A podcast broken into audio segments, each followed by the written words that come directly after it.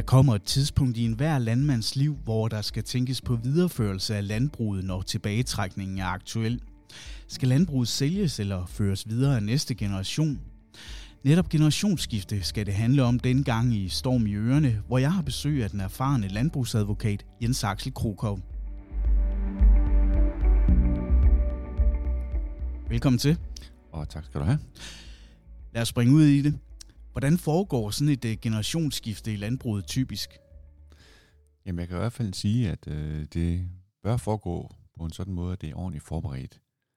Noget af det, der er alfa og omega i at få det gode generationsskifte, det er, at man har nogle grundige analyser forud for, for generationsskiftet, og også nogle ret dybe drøftelser med familien bagved.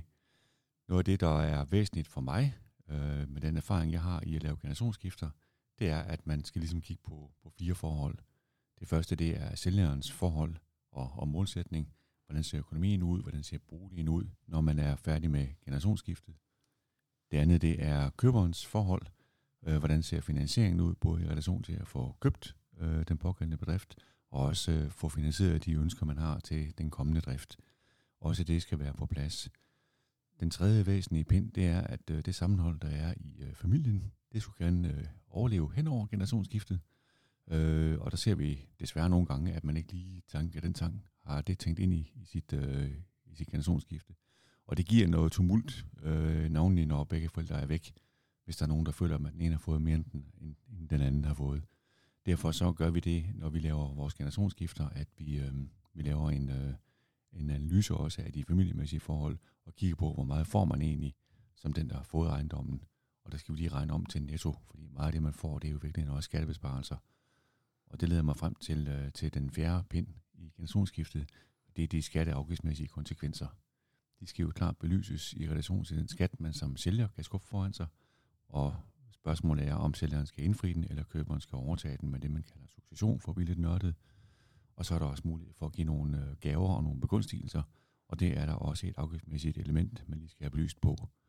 Og i den forbindelse, der er det i hvert fald med den sidste pind væsentligt, at man har en meget, meget høj element af parathed, så man kan handle hurtigt. Vi oplever, at det er et område, der har stor politisk bevågenhed. Øh, der bliver ændringer i skattereglerne, der bliver ændringer i værdiansættelsesreglerne på, hvad tingene skal koste. Og også afgiftsreglerne har man sat sin øh, politiske projektør øh, i gang på at, at få belyst. Så derfor så øh, står vi øh, igen i et område, hvor der er øh, forandringer på vej, og derfor er det vigtigt, at man er parat til at kunne lave generationsskiftet. Og alt det, det munder så ud i det rent lavpraktiske, at det vi så gør for at styrke den parathed, det er at lave en egentlig drejebog. Øh, drejebogen som sådan er det opslagsværk, familien får, øh, og som vi også gennemgår for familien, hvor man så ligesom øh, højde for alle fire elementer, både sælgerens forhold, forhold, de familiemæssige relationer og skatter og afgifter. Og når det er gennemgået og klart, jamen så er vi egentlig også klar til at ret hurtigt at kunne ekspedere selve generationsskiftet, hvis det bliver politisk øh, krav for det går det her nu, eller hvis der sker noget andet, nemlig at man bliver syg og sådan nogle ting.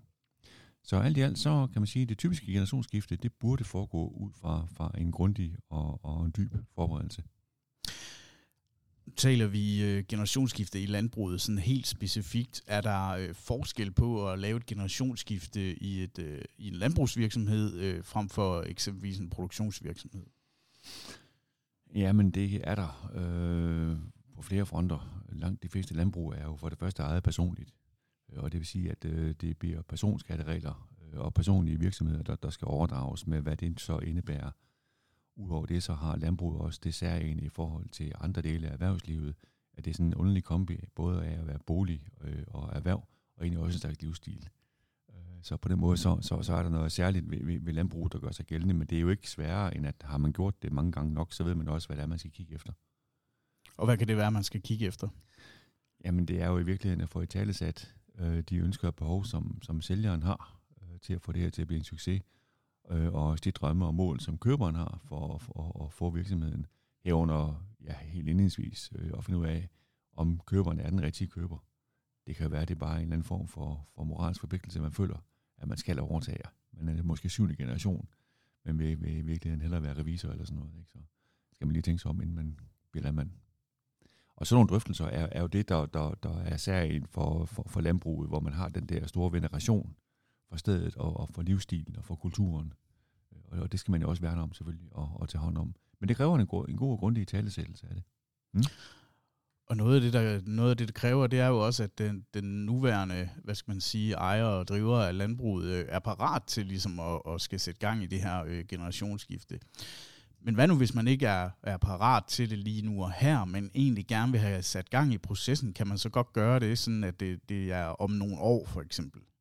Ja, og det er jo i virkeligheden også vores øh, anbefaling, at, at man gør det, fordi det er nemmere at få lavet det her grundarbejde, øh, hvor man får lavet de skattemæssige beregninger en gang for alle, og man får lavet de her drøftelser i familien en gang for alle, måske også få styr på finansieringen så nogenlunde, fordi så kan man assurføre sin drejebog, afhængig af, hvad, hvad der sker. Men lad os nu prøve at tage et eksempel fra, fra den virkelige verden. Hvis vi nu har øh, en familie, der har landbrug her, og det ligger i kortene, at næste generation skal overtage den. Hvad nu, hvis nabogården pludselig kommer til salg? Er det så køberen, den nye generation, der skal købe den, eller er det faren, der skal købe den, hvis det er ham, der har gården i dag? Og dermed så har øh, det at få lavet den der drejebog, jeg talte om før, det har også øh, en værdi, fordi det bliver sådan et operationelt styringsmiddel. Og sige, det er det, vi ligesom styrer efter, for at få øh, den udvidelsesmulighed, vi gerne vil, eller for at få den kontrol over nærområdet, vi, nu gerne vil have, for at kunne drive vores øh, virksomhed bedst muligt. Så ja, jeg synes, man laver den her og nu, og så assurefører man den. Og når man så har lavet den, så sikrer man den også for, hvad der kunne ske.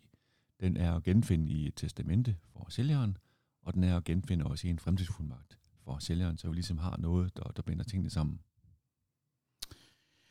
Overvejer du et øh, generationsskifte, så synes jeg, du skal tage fat i Jens. Hans øh, kontaktoplysninger, dem finder du på stormadvokatfirma.dk, hvor du også kan se en video med historien om generationsskiftet i Meinerts Mølle AS, hvor familien fortæller om oplevelsen af lige præcis det her med processen bag skiftet. Du har lyttet til Storm i Ørene. Mit navn er Lars Lyngdal.